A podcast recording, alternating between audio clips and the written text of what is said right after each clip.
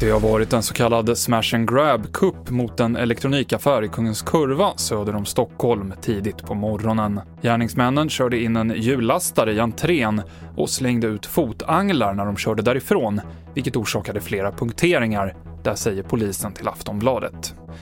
Efter det stora jordskredet i Ask i Norge igår så fortsätter sökandet efter tio personer som fortfarande saknas.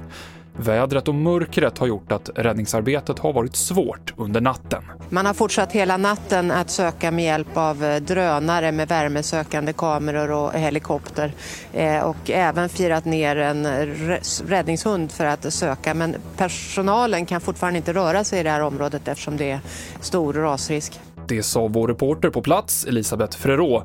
Och jordskredet pågår alltså fortfarande och fler hus väntas rasa under dagen.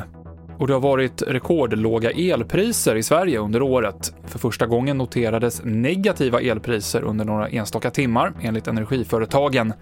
Bakgrunden till de här låga priserna är det varma vädret och framförallt en ovanligt mild vinter. TV4-nyheterna med Mikael Klintevall.